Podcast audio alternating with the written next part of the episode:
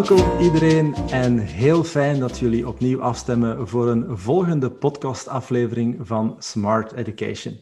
Ik ben Stijn, ik ben co-founder bij Smart Education en ik moet toch wel eerlijk toegeven dat dit uh, een hele eer is dat ik deze uh, podcastaflevering mag hosten, want vandaag hebben we te gast uh, niemand minder dan topatleet, wielrenner Remco Evenepoel. Remco, welkom. Dank u Stijn, dank u. Fijn om u te zien en uh, zeker Remco na de voorbije dagen, om de luisteraars die dit, uh, deze podcastaflevering misschien wat later in de tijd gaan horen. We zijn nu uh, zondag 29 augustus. Ons interview was al even gepland, maar je dacht, ja, ik ga nog eerst even twee wedstrijden winnen, kort na elkaar op drie dagen, en dan komt dat interview wel. dus jij won donderdag de druivenkoers op indrukwekkende wijze, en als dat dan niet genoeg was, nog eens de Brussels Cycling Tour gisteren. En dat in effectief letterlijk jouw achtertuin, Remco. Ja, inderdaad. Dat was heel, uh, heel uniek om uh, een keer zo kort bij huis te kunnen koersen. En dan uh, ja, beide mm. koersen kunnen winnen was echt heel uniek. En dat was ook ja. gewoon een hele, een heel toffe ervaring. Veel supporters langs de kant? Ja, het was echt gek. bij ons op de Scheestraat, waar, ons, allee, waar mijn ouderlijk huis staat, dat is echt wel stond echt bomvol. En ik had echt het gevoel dat heel Schepdal naar buiten was gekomen. Dus dat was echt wel, uh, echt wel kippenvel. kippenvel. Ja, zeker, zeker. En voel je dat dan ook in uw prestatie, dat dat u extra energie geeft? Is dat dan ook effectief zo? Wat was een heel vermoeiende dag, slecht weer, lange dag, heel hard gekoerst. En als je dan in de mensen finale. voorbij rijdt, ja, als je die dan voorbij rijdt, dan is dat echt zo een extra, een extra boost, een extra punch die je in je benen krijgt. En dat was echt wel, uh, dat was echt wel nodig op dat moment. Ja, ja, en parcourskennis, dat is duidelijk gebleken, dat is ook belangrijk. Jij wist dat, ja, je niet aan de Ros, dat je wist dat je niet naar de Rosweg ging geraken als je naar Brussel zou afslaan, natuurlijk.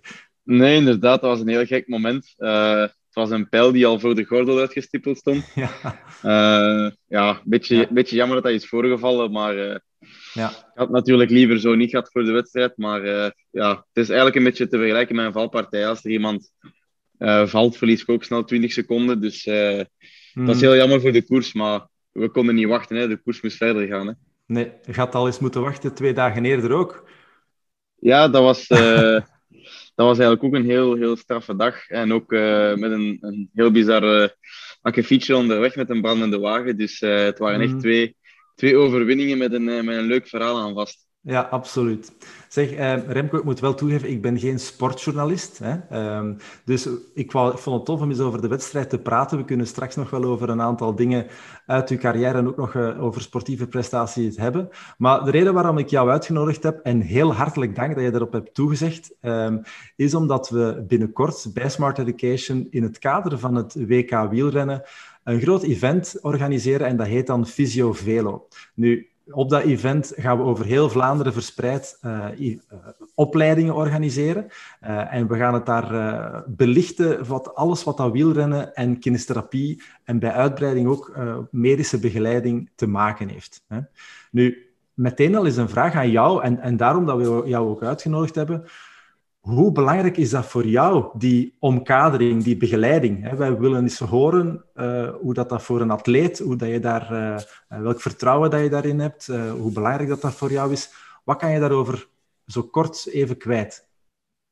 Wel steeds belangrijker aan het worden is. Um, op alle vlakken eigenlijk. En ik persoonlijk heb afgelopen jaar een, een zware val meegemaakt. En um, sindsdien voel ik echt wel dat ik heel maniacaal moet bezig zijn met uh, spieren losmaken, uh, bepaalde oefeningen, om alles gewoon heel, um, ja, hoe moet ik het zeggen, om heel stabiel en, en stevig te houden eigenlijk. Omdat van het moment dat ik ook maar iets voel, uh, is het veel delicater dan het vroeger was. Um, mm-hmm. Dus ik denk wel, sinds dat ik mijn, mijn val heb meegemaakt, dat ik er nog intensiever mee bezig ben. En uh, dat ik die omkadering nog belangrijker vind. Um, mm.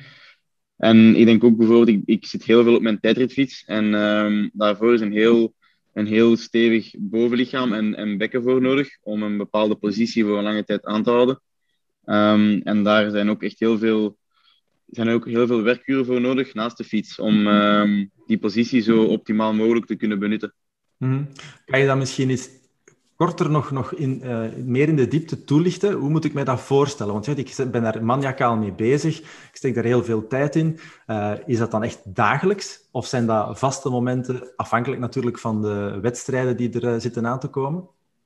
Wel, ik thuis probeer ik het zo maximaal mogelijk te doen. En dan is het vooral stretching van de spiergroepen. En ehm, ja, ook wel, wel bepaalde stabiliteitsoefeningen. Maar die stabiliteitsoefeningen doe ik niet heel veel, omdat ik ook uh, niet te veel uh, spiermassa wil winnen natuurlijk. Um, ook al is dat heel minimaal natuurlijk, maar um, die stretching en lenigheidsoefeningen zijn toch iets belangrijker daarvoor. Um, mm -hmm. En als ik dan op de wedstrijd kom, is er altijd een kine bij. Uh, eender welke koers dat het is, is er meestal wel, wel uh, een kine bij. En uh, die gaat dan met bepaalde behandelingen alles losmaken.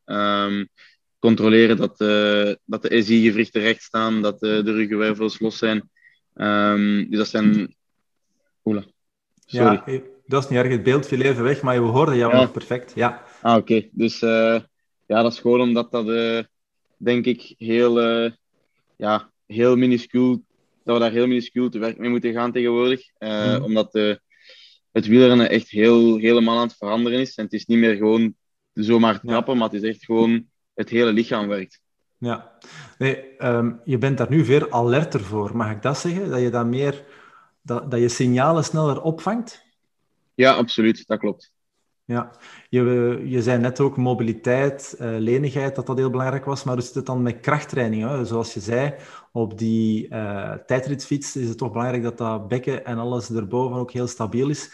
Uh, die krachttraining, voer je die dan uit op of naast de fiets of allebei?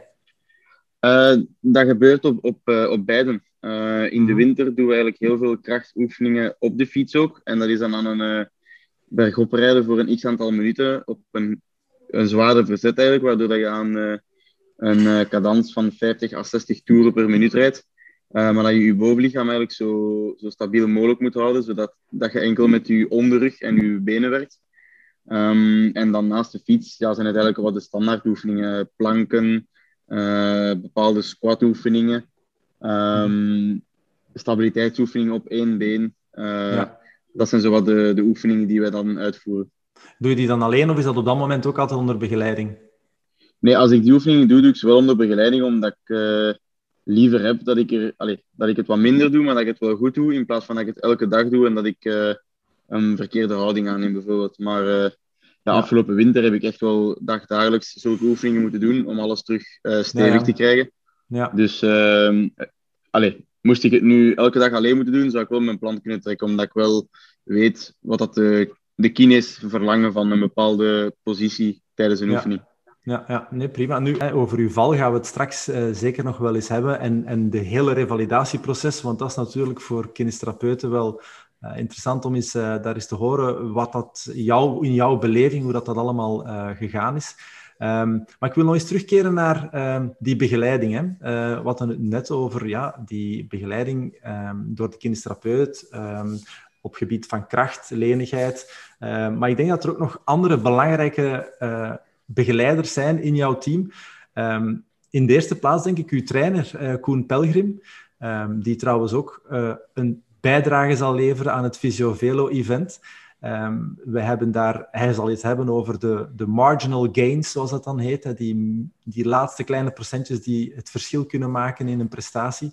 Um, hoe belangrijk is hij voor jou? En ik, hoe intens is dat contact? Um, ja, ik denk dat ik met, uh, met Koen een van de meeste contacten heb uh, van iedereen die in mijn telefoon staat. ja, je doet eigenlijk dagelijks een, een workout of een training die hij opstelt. Um, dus hij wil ook altijd feedback. Als je iets, iets voelt, een pijntje of een goed gevoel, maakt niet uit wat, dan is dat belangrijk om dat te delen, zodat je dan de, de dag erna kunt, kunt um, ofwel met dat schema verder doen, ofwel iets aanpassen. Um, dus Koen is echt wel iemand die ik, uh, kan niet zeggen elke dag hoor, maar toch zeker om de twee dagen. En soms eigenlijk heel intensief en soms wat minder. Uh, Want hij weet ook, als je bijvoorbeeld een paar dagen recup hebt, dan heeft het weinig zin om elkaar elke dag iets te sturen of iets te laten weten. Maar als het een, uh, een heel uh, drukke periode is, zoals nu de afgelopen dagen, met de koersen, dan ziet hij ook welke waarden ik bijvoorbeeld duw, of hoe mijn, mijn frisheid zit, hoe mijn um, vermoeidheid, ja, de vermoeidheidsgraad, hoe dat die omhoog gaat of stabiel blijft. En ja dat zijn bepaalde zaken die je echt wel, wel intensief moet bespreken. Hè? Ja, ik denk absoluut die, die monitoring van uh, die vermoeidheid en uh, uh, hoe dat jij eigenlijk je voelt, dat, dat bepaalt natuurlijk ook de komende trainingen en dat wordt dan constant aangepast, gefine-tuned. Dus ik kan mij ook voorstellen, Remco, dat, dat je met zo iemand ook een, een, een hechte band hebt, ook een vertrouwensband. Um, ik meen dat ook al uit de, uit de wandelgangen te hebben opgevangen, hè, um, via jouw moeder ten andere, dat je echt wel heel veel aan Koen hebt. Ook als je op hoogtestage gaat, um, dan zit je daar vaak ook gewoon alleen. Hè? Klopt dat? Ja, absoluut. Dus uh, ofwel gaat hij mee, ofwel als hij niet mee is, dan zit je daar eigenlijk alleen met één of twee ploegmaats en met een, een verzorger dan. Hmm. Uh, maar als hij mee is, ja, dan ben je eigenlijk heel de dag met elkaar bezig. Uh, je staat op, je eet samen, je gaat aan het trainen, uh, je bespreekt alles samen. Uh, ja, om vier uur is het meestal uh, een massage of ga je nog een kop koffie of, of wat thee drinken of gewoon op de kamer rusten. En s'avonds eet je dan weer samen en dan bespreek je de afgelopen training en de volgende training. Dus zo'n hoogtestage is eigenlijk echt wel een heel intensieve samenwerking. En um, ja, mm -hmm. dat zijn toch altijd momenten dat er ja, dat je echt constant met elkaar bezig bent. En uh, dat heb je eigenlijk heel weinig met, met andere mensen binnen, een, binnen de staf van de ploeg eigenlijk. Ja, dan is het ook belangrijk dat dat goed klikt natuurlijk, als je zo Absoluut. veel met elkaar uh, in mekaars uh, buurt bent constant. Ja. Nu, uh, binnen dat luik dat Koen ook iets zal over zeggen, um, Science of Training heet dat, gaan we het ook hebben over inspanningstesten. Ik wilde wel eens weten, hoeveel inspanningstesten doe jij zo per jaar? Um, wel, om eerlijk te zijn, met de COVID-periode was het iets minder, omdat mm. uh, ze ook niet, niet zomaar mochten open doen. Maar uh, als we een gemiddelde moeten nemen, dan doen we één in december. Dus als we onze, uh, allez, laten we zeggen, twee trainingsmaanden in de winter hebben gehad. en dan na die december-test begin je eigenlijk iets intensiever te trainen, ga je iets meer trainen. En dan heb je nog een test in januari. Uh, en die test in januari zegt dan veel over met welke vorm je aan het seizoen zal starten of kan starten en aan wat er nog gewerkt moet worden. En dan wordt er meestal nog eentje gedaan uh, bij de break, la, laten we zeggen mid-season. en dan um, met die test ga je dan eigenlijk verder werken naar de laatste doelen van het, van het einde van het seizoen. Dus bij mij schommelt dat meestal tussen een drie à vijf testen uh, per seizoen. Ja, zeg, en, en hoe graag doe je dat? Kijk je daar telkens naar uit, naar zo'n inspanningstest? Of is dat toch altijd... Wat is, uh, goh, je weet gewoon dat je gaat afzien, maar je weet dat het ook een, ja. heel, nuttige, een heel nuttig iets is. Um, hmm. Het is natuurlijk... Allee, er zijn drie soorten inspanningstesten, maar daar zal Koen waarschijnlijk uh, meer gedetailleerd over kunnen spreken. Ja, ja. Maar uh, er is altijd één rustigere, waar je tot je, je vetrempel gaat. En die is, uh, dat is eigenlijk puur op, op conditie, op duur. En dan heb je één dat je echt tot het alleruiterste moet gaan. En dan heb je de, ja, en de laatste is dan eigenlijk al met verzuring over je, uh, over uw vetrempel beginnen. Om zo tot die omslagpunt te komen. Dus dat is eigenlijk constant uh, ja, uh, van kort tegen de limiet tot eigenlijk net over de limiet mm. gaan. Plus dat je dan al eigenlijk tot helemaal over je toeren bent gegaan. Dus die laatste is echt heel moordend. Mm Nee, interessant. Ja, um, ik wou er nog een keer aan toevoegen ook. Hè. Vaak worden dan die uh, gegevens of die resultaten ge vergeleken met norm normatieve waarden. Want in jouw geval zijn er nog niet zoveel jaren die op de teller staan dat je kan zien hoe dat je evolutie gegaan is. Maar misschien kan je toch al iets zeggen van, ja, je bent nu het derde jaar aan het koersen, als ik me niet vergis. Ja, ja. ja derde jaar prof, dus uh, ja. ik denk komend volgend jaar, april, zal, zal ik vijf jaar aan het fietsen zijn. Ja. ja. Hoeveel maak je dan nog progressie? In percentages? Goh.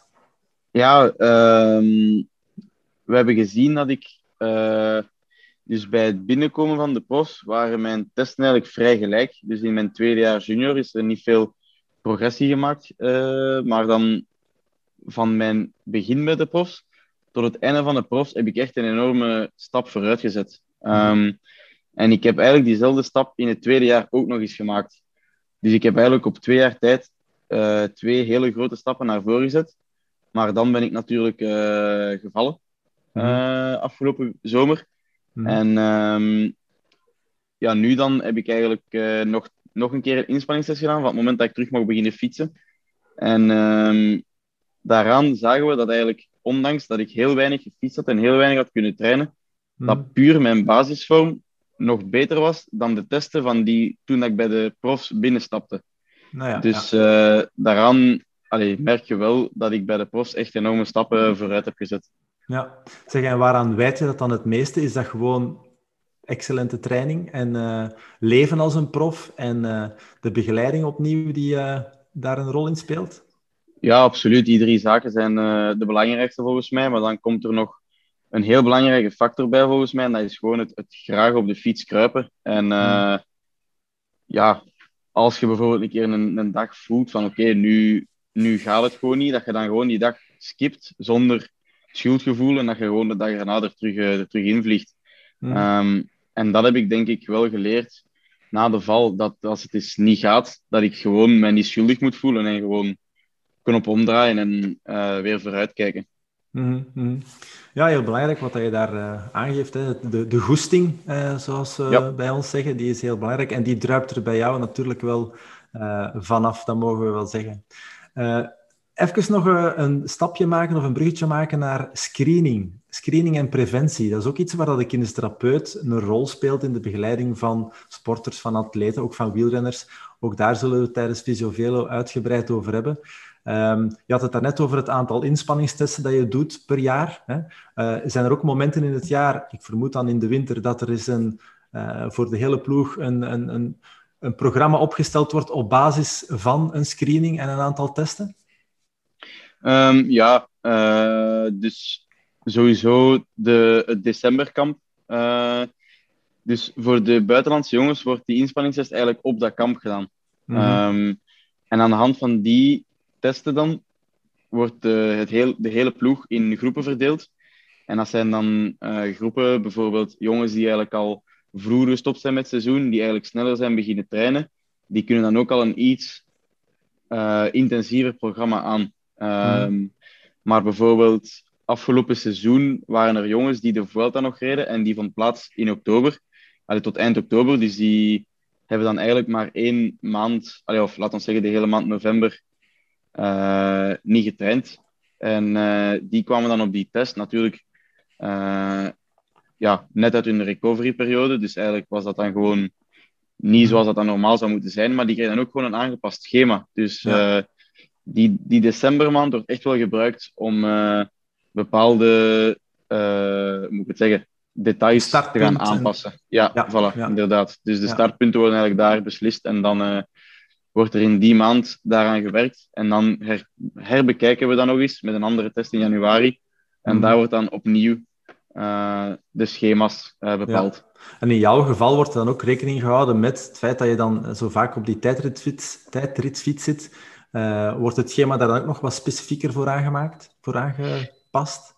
Ja, dat klopt. Dus met alle jongens die eigenlijk binnen de ploeg tijdrit, allez, goede tijdritcapaciteiten en tijdritambities hebben, die uh, kruipen zeker, um, laten we zeggen, per week uh, op stage één à twee keer op die fiets. Soms hmm. kun je op de rustdag ook nog op die fiets kruipen. Maar echt wel twee specifieke trainingen op de tijdritfiets. En um, ja, uh, dat is ook gewoon puur om, om die positie blijven gewend te raken. Want als je uh, drie, vier weken ja. niet op die fiets hebt gezeten en je kruipt daar opeens terug op, ja, je spieren zijn niet meer gewoon. Die zijn heel stijf achteraf. Ja. Dus um, ja, daar wordt zeker rekening mee gehouden. Maar je voelt je wel goed hè, op die tijdritfiets. Ja, dat is eigenlijk... Uh, je hebt ook niet, niet, voor niets, niet voor niets de bijnaam Aero Bullet gekregen. Ja, ja inderdaad. Nee, ik, uh, dat is eigenlijk heel gek, maar uh, bij de juniors was ik eigenlijk al vrij verzot op dat tijdrijden. Maar sinds dat ik bij de profs kom, dat eigenlijk nog, zoals je al eens aangehaald hebt, over die marginal gains gaat, hmm. ben ik eigenlijk nog meer verzot op. En ja, ik denk dat mijn handelsmerk bij Tijder echt wel mijn positie Ehm, en dat is ook daarom dat ik zo graag op die fiets zit, omdat ik weet dat mijn sterkte en een van mijn voordelen is ten opzichte van de rest. En uh, daarom werk ik daar ook zo graag aan, omdat ik weet dat dat voor mij een heel nuttig, nuttige zaak is om die positie gewoon zo goed mogelijk aan te houden. Ja, en binnen uw krachttraining, preventieprogramma, wat is dan uw favoriete oefening, Remco? Goh, um, ja, persoonlijk, allee, ik ben een vrij licht, licht mannetje, dus uh, ik doe niet zo heel graag krachttrainingen, maar uh, ik vind een, een plank, eigenlijk dus de, de simpele plank, vind ik eigenlijk echt wel leuk om te doen, omdat dat gewoon ja. uh, zo goed als alles traint. Dus ja.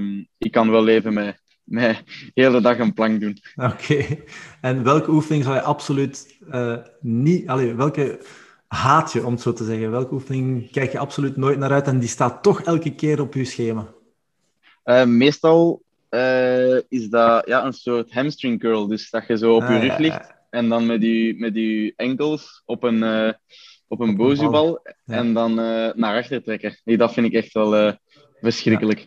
Ja. ja. maar het is toch zo belangrijk, dus blijf ze toch maar doen. Ja, absoluut. Het is een heel belangrijk. Ook voor de tijdritfiets bijvoorbeeld. Je gebruikt meer je, je hamstrings op een mm. tijdritfiets dan op de, op de gewone wegfiets. Dus voor mij is dat wel een belangrijke. Mm. We zullen het misschien toch maar eens hebben ook over uh, pathology en rehab, Remco. Um, daar kan je al heel wat over meepraten. Ja. ja, het is Jammer genoeg wel. Ja, tuurlijk. Een dik jaar geleden, denk ik. Hè? 15 augustus, als ik me niet vergis. 2020. Ja. Ronde van Lombardije. Dat, we jou, dat iedereen even zijn adem inhield als we jou over dat... Uh, muurtje zagen duiken. Ehm, er is al heel veel over geschreven en verteld en ik ga er ook niet te veel mee lastigvallen, hè, want uh, je bent het al beu verteld zonder twijfel.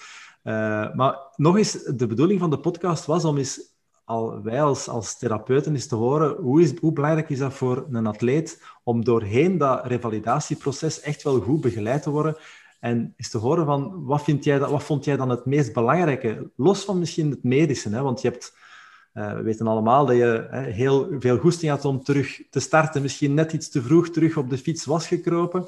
Je hebt dat ook al hè, uh, aangegeven, dat dat misschien uh, op dat moment niet de juiste beslissing was. Um, maar welke...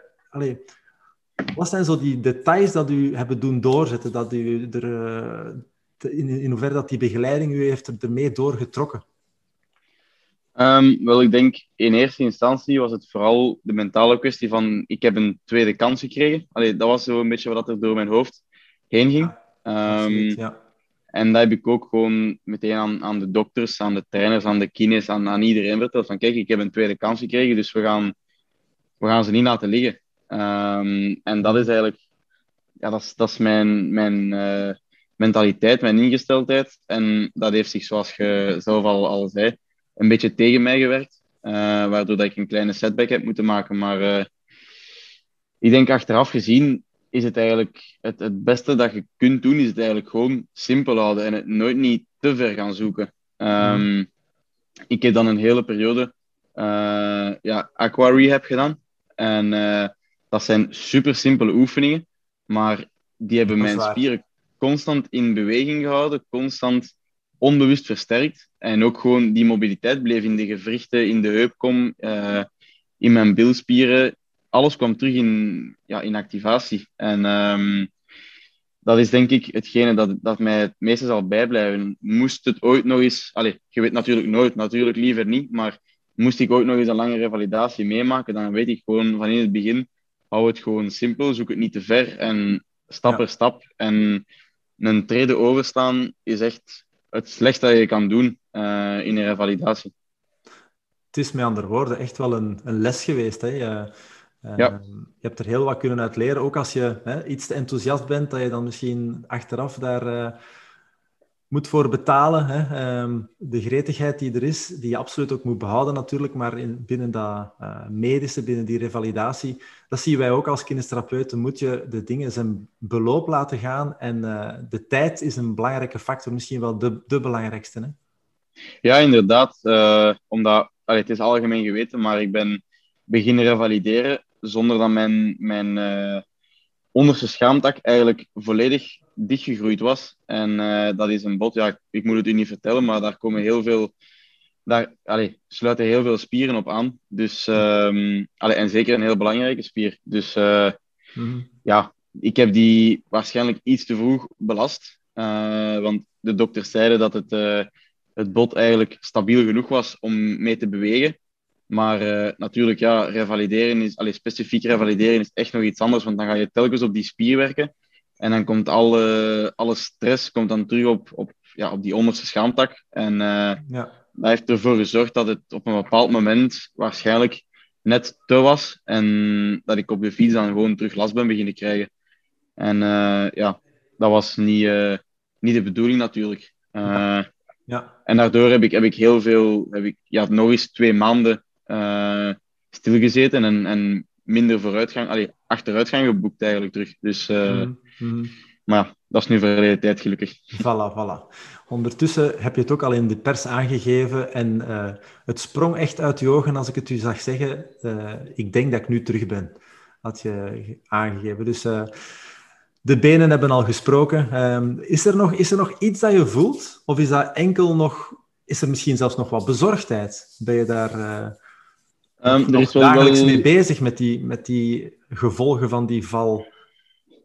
Wel, uh, ik voel echt wel dat mijn, mijn uh, eh, SI-gewrichten dat die nog vrij, uh, hoe moet ik het zeggen, dat die vrij, ik ga niet zeggen fragiel zijn, maar daar voel ik wel sneller iets aan. Uh, ja, natuurlijk, ik heb ook mijn, mijn heiligbeen gebroken tijdens de val, dus dat komt heel, heel kort bij, bij het SI-gewricht. En daar, die laat ik echt wel als het kan, wekelijks controleren en zelf, mhm. zelf losmaken. Omdat ja, we gebruiken heel veel spieren rond dat gewricht. Dus um, dat, zijn, dat is zo eigenlijk de plek dat ik nog het, het meeste voel, die, heel, ja. allee, die, die vrij snel stijf wordt. Ook bijvoorbeeld als je mijn uh, positie kijkt als ik alleen fiets, dan zit ik heel gebogen over mijn, uh, over mijn, over mijn stuur eigenlijk, op mijn fiets. En dan, komt, allee, dan is het eigenlijk alle druk uit die onderrug. En mhm. dan, ja, na een koers voel ik dan echt wel dat dat wat verstijfd is. Dat ik dat wat moet, uh, moet stretchen en moet losmaken. Um, Maar dan is dat wel beter. Maar uh, het is wel zo dat ik dat na een x aantal dagen, weken, echt wel eens deftig moet laten losmaken, omdat ik anders een beetje scheef trek op mijn zadel. Ja, ja. dus ja, je, je blijft er waakzaam voor. Het is uh, iets waar je een punt van aandacht uh, en vermoedelijk ook nu na zo twee zware, of een, een zwaardere periode, twee uh, wedstrijden op drie dagen, voel je dat waarschijnlijk ook gewoon wat meer. Ja, absoluut. Uh, zeker bijvoorbeeld gisteren um, was het eigenlijk een heel zware wedstrijd, met ook kasseien in en heel typische Vlaamse wegen. En ja, dan, dan voel je die schokken op de fiets, op het zadel. En dan weet je ook gewoon, ja, ik ga waarschijnlijk achteraf iets van last hebben. En um, mm-hmm. het viel al bij al nog mee, maar ik voelde ook wel dat ik gewoon even deftig moest stretchen en er, het even gewoon goed laten rusten in de bus en uh, in ja. de kamer. Oké. Okay. Remco, ook uh, algemeen geweten is dat je um, voetballer bent geweest um, van de beste club van België nog altijd, nou, dat is mijn mening. Mijn ook. Die van jou ook nog altijd, hè? Absoluut, absoluut. Ik weet eigenlijk niet hoeveel dat is nu, want het is nu, spelen nu tegen Genk. Ah, zijn ze weet, maar alleszins Brugge heeft al goed verloren, dus dat is ja. positief. En ja. mijn kamergenoot is voor Gent. Ilio Keijsen is voor ja, Gent. Ja, dus, ja, ja. Ja, die zal wel goed gesupported hebben. 6-1, dat is serieus, serieus op hun doos, hè? Als Anderlecht nu nog wint, dan trekken we een fles champagne open straks. Ja, maar van Vitesse Arnhem gaan we even nu niet spreken. Hè? Dat, oh, nee, nee. Dat is best. zeg maar, Remco, die overstap, dat was trouwens een vraag van een van onze collega's die ingestuurd werd, uh, van Pieter Verschuren. De overstap van dat voetbal naar dat wielrennen. Um, waar ben je dan zoal het meeste tegenaan gelopen? Heb je dan bijvoorbeeld gemerkt dat het daar net al over die mobiliteit, over die lenigheid... Um, was dat iets dat heel sterk heeft, is opgevallen, dat toch die overstap voetbal, wielrennen, dat dat toch twee verschillende dingen zijn? En wat is, of is dat heel vanzelf gegaan bij jou? Nee, helemaal niet. Um, ik heb heel, in de beginperiode heb ik heel veel last gehad in mijn, in mijn heupbuigers. Um, omdat ja, allez, voetbal zijn allemaal heel korte, explosieve spieren vooral. Uh, en bij het, bij het wielrennen is het eigenlijk het tegenovergestelde. Hmm. Dus uh, je maakt altijd een lange beweging, je spieren worden langer. Ik heb mijn benen echt zo zien veranderen uh, met de jaren. En ehm, ik heb heel veel, veel last gehad in mijn heupbuigers. Uh, zelf eigenlijk kleine scheurtjes van puur van het uitrekken van, van de spieren. Um, maar ik was als voetballer ook al heel lenig, dus dat was wel een voordeel dat ik daar op dat vlak vrij weinig last heb gehad. Maar uh, ik heb wel echt gesukkeld met mijn, uh, met mijn heupbuigers en ook eigenlijk wel een beetje met mijn uh, Achillespezen en, en kuiten. Omdat dat gewoon ja. een heel andere beweging is. Mm -hmm. Oké, okay, ja. Um, we horen dat natuurlijk nog hè, um, van um, ook in onze praktijk. Hè. Je hebt nu, uh, het wielrennen is en blijft altijd heel populair. Ook triathlon wordt meer en meer beoefend. Uh, en dan zien wij ook in de praktijk wel zo van die aanpassingsproblemen die dan uh, moeten aangepakt worden. Ook daar denk ik is het geleidelijk aan opbouwen de sleutel om niet ja. te veel in het rood te gaan en dan weer gekwetst aan de kanten moeten blijven staan natuurlijk. Hè. Ja, dat klopt. Zoals bij ja. mij ook. Ja, voilà. Maar je doet dat zeer goed ondertussen. Um, ik wou ook nog eens terugkijken naar de Olympische Spelen, want ik weet dat dat voor jou ook een droom was, die ondertussen ja. al is uitgekomen om er daarbij te zijn. Hoe kijk je daarop terug? Wat uh, zijn jouw ervaringen daar geweest? Wel, um, allee, op sportief vlak uh, en qua resultaten was het niet 100% wat ik had gehoopt. Um, mm -hmm. Maar ik was vooral heel tevreden dat ik één jaar na de, allee, ongeveer één jaar na de, de val, uh, zag ik eigenlijk letterlijk een, een droom uh, voorbij vliegen. Uh, dus mm. ik had eigenlijk ook heel hard gerevalideerd, telkens met het idee van ik wil op die spelen geraken, ik wil op die spelen geraken. En um, dat, is dan, dat is dan gelukt. Um, en ik had ook wel een goed gevoel op de trainingen ervoor, maar uh, in de wedstrijden kwam het er gewoon niet uit. En dat was nog zo hetgene dat ik eigenlijk al heel die periode ervoor mee sukkelde, dat het op training best oké okay ging. Maar ik had nooit niet het gevoel van het loopt soepel. Het gaat echt vlot. Um, en de ervaring was eigenlijk heel, echt super en heel tof. Natuurlijk, Japan is een heel, een heel speciaal land. Uh, het is geen, geen land zoals wij dat eigenlijk gewoon zijn.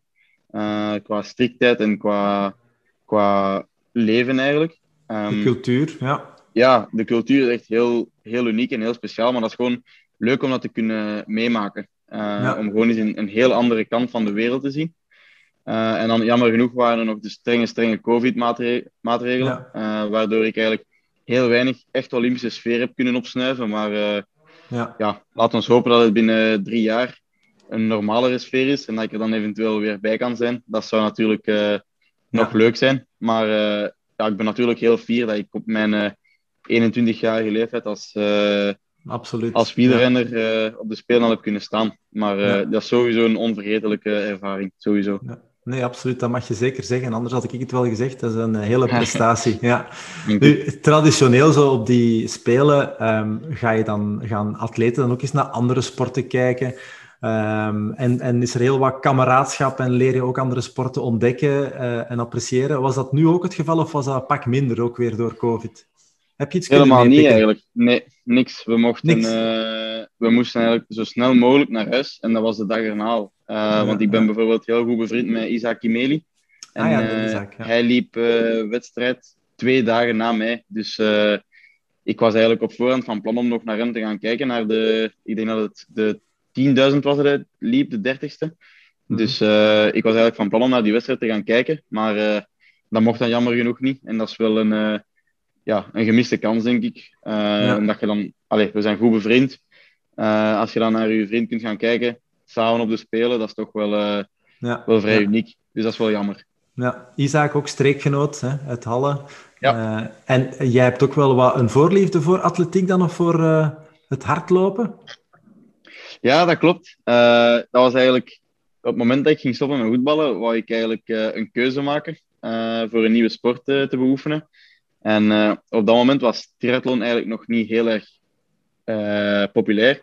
Dus mm-hmm. ik, had, ik was eigenlijk aan het kiezen voor ofwel uh, lange afstand lopen slash marathon lopen of mm-hmm. um, gaan fietsen. Heb je dat echt en, overwogen uh, tussen die twee? Ja, het was uh, keuze ja. tussen de twee. Um, maar ik wou eigenlijk gewoon eens iets volledig anders doen, omdat lopen nog vrij kort bij het voetbal staat. Mm-hmm. Um, dus ik wou eigenlijk iets, iets compleet nieuws en dat was eigenlijk de fiets. En ja, ik denk wel dat ik, dat ik een goede keuze heb gemaakt.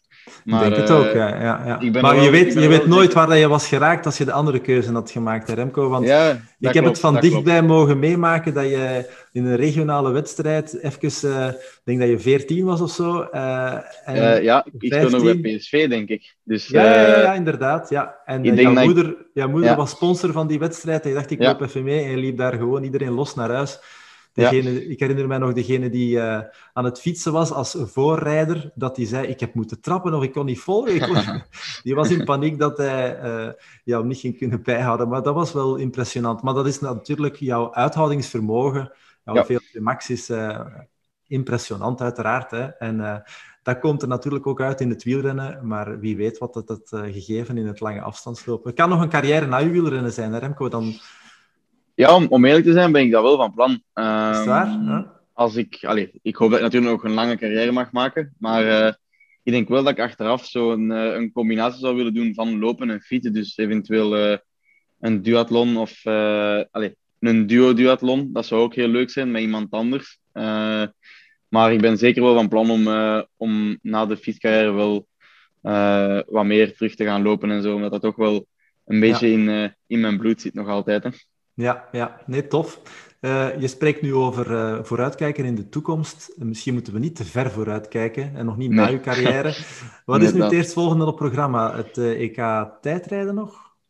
Nee, morgen beginnen we eigenlijk met de Benelux Tour. Ah, ja, ja. Dus dat is van maandag tot en met zondag. Ja.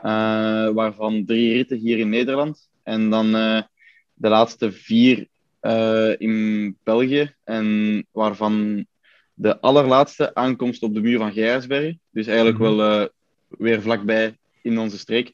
Mm -hmm. um, dus dat wordt uh, de komende dagen. En ik ga die eigenlijk een beetje rijden in functie van het EK. Uh, zorgen dat ik daar niet... allez, zorgen dat ik hier geen zotte dingen doe of in gevaarlijke situaties terechtkom. Dus mm -hmm. dat is een beetje de bedoeling van deze week. Om mij optimaal klaar te stomen voor het dubbele EK-wedstrijd. Ja, maar dan is er nog het WK.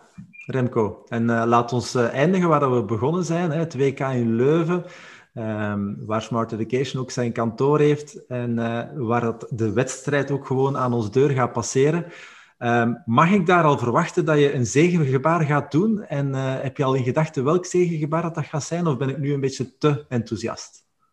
Ja, omdat ik nog niet weet dat ik erbij zit eigenlijk. Ja, ik weet het, ja, maar ja, ik, ik weet het. het is, uh, de afgelopen dagen heb ik uh, mooie dingen getoond natuurlijk. Voilà. Maar ja, op het, op, deel, op, het, op het parcours zelfs van het WK. Dus, uh, maar ja, inderdaad. dat klopt. Dat klopt. Maar ja, weet je, ik, ik ga nog contact hebben met de bondscoach. Ik hoop natuurlijk om erbij te zijn. een WK mhm. in eigen land is iets heel unieks. Um, mm -hmm. Is het niet zo, dan is het niet zo. Er zullen wel nog WK's volgen. Maar zou natuurlijk jammer zijn. Maar uh, als ik erbij ga zijn, dan ga ik mijn, uh, mijn uiterste best doen om, uh, ja, om het land België mooi te vertegenwoordigen. En zien dat we met de ploeg minstens een medaille en die trui gewoon kunnen pakken. dat is denk ik het belangrijkste. Maar alleszins, ik bekijk het eigenlijk, zoals ik al zei, dag per dag. En mm -hmm. als ik erbij zit, ga ik er alles voor doen. Zit ik er niet bij, dan ga ik ook niet in een hoekje zitten wenen, maar dan ga ik gewoon hard blijven werken om de volgende keer wel een selectie te pakken. Maar uh, ik ga ook niet onder of banken verstoppen dat ik uh, er niet bij wil zijn. Dat is denk ik wel vrij logisch. Uiteraard, uiteraard. En uh, we wensen het jou natuurlijk ook toe.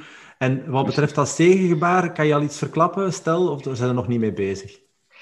Ik denk, moest, moest ik als eerste naar de lijn komen, dat ik gewoon ga blijven gelijk een kleine. Dus ja. ja, ik weet niet, ja. Dus, goh, dat is moeilijk om te zeggen, hè, want dat is, dat is natuurlijk een overwinning, maar dat er nog iets heel moois aan vasthangt. Dus mm. uh, ik denk dat je dan even niet goed beseft wat er gebeurt mm. uh, op dat moment zelf. Maar uh, dat zal waarschijnlijk een, een bom van emoties worden op dat moment. Ja, ja, we wensen het jou toe in ieder geval. Merci. ik weet dat je nu bijna moet gaan eten, ook heel belangrijk voor een wielrenner. Hè? ja, absoluut, absoluut. Ben je daar trouwens ook zo maniacaal mee bezig? Of, ja, eigenlijk wel. Maar uh, ook daarin heb ik gevoeld, als je er te extreem mee bezig bent, dat het eigenlijk ook niet, niet altijd werkt. Um, je moet ook gewoon power hebben en, en energie hebben. Maar uh, als je altijd tot op de limiet alles afweegt en, en heel minuscuul gaat, gaat eten, dan op een bepaald moment ben je gewoon opgebrand en heb je gewoon de power niet meer. Dus uh, je moet er zeker mee bezig zijn. Je moet goede voeding eten en de gezonde voeding waar dat je de perfecte energie uit kunt halen, maar uh, mocht zeker niet te weinig eten. Dat is, dat is, ook, te, dat is ook verkeerd. Ja, ja. Nee, uh, smakelijk. Ik ga jou laten. Ik zie dat jouw kamergenoot ook al staat te popelen om te, te ah, gaan eten. Uh, Oké. ik, zeg hem, ik zal hem maar volgen dan. In de achtergrond. Uh, bedankt voor de tijd dat je voor ons hebt vrijgemaakt. Geen hier, probleem. van op hotel. morgen terug aan de, aan de bak. Ja. Ik wil ook al onze luisteraars bedanken. geef ons een like. Ehm, abonneer je zeker op onze podcast. Volg ons YouTube-kanaal. En we hopen jullie dan voor een volgende aflevering nog eens terug te mogen zien. Maar hier sluit ik af met Remco nog een fantastische carrière, toekomst toe te wensen. Ik hoop jou in de toekomst hier in het Pajottenland nog wel eens tegen het lijf te lopen. En maak er iets moois van in Leuven. Dank u wel. Goed, tot ziens. Bedankt. Dag. Salut. Ciao, ciao.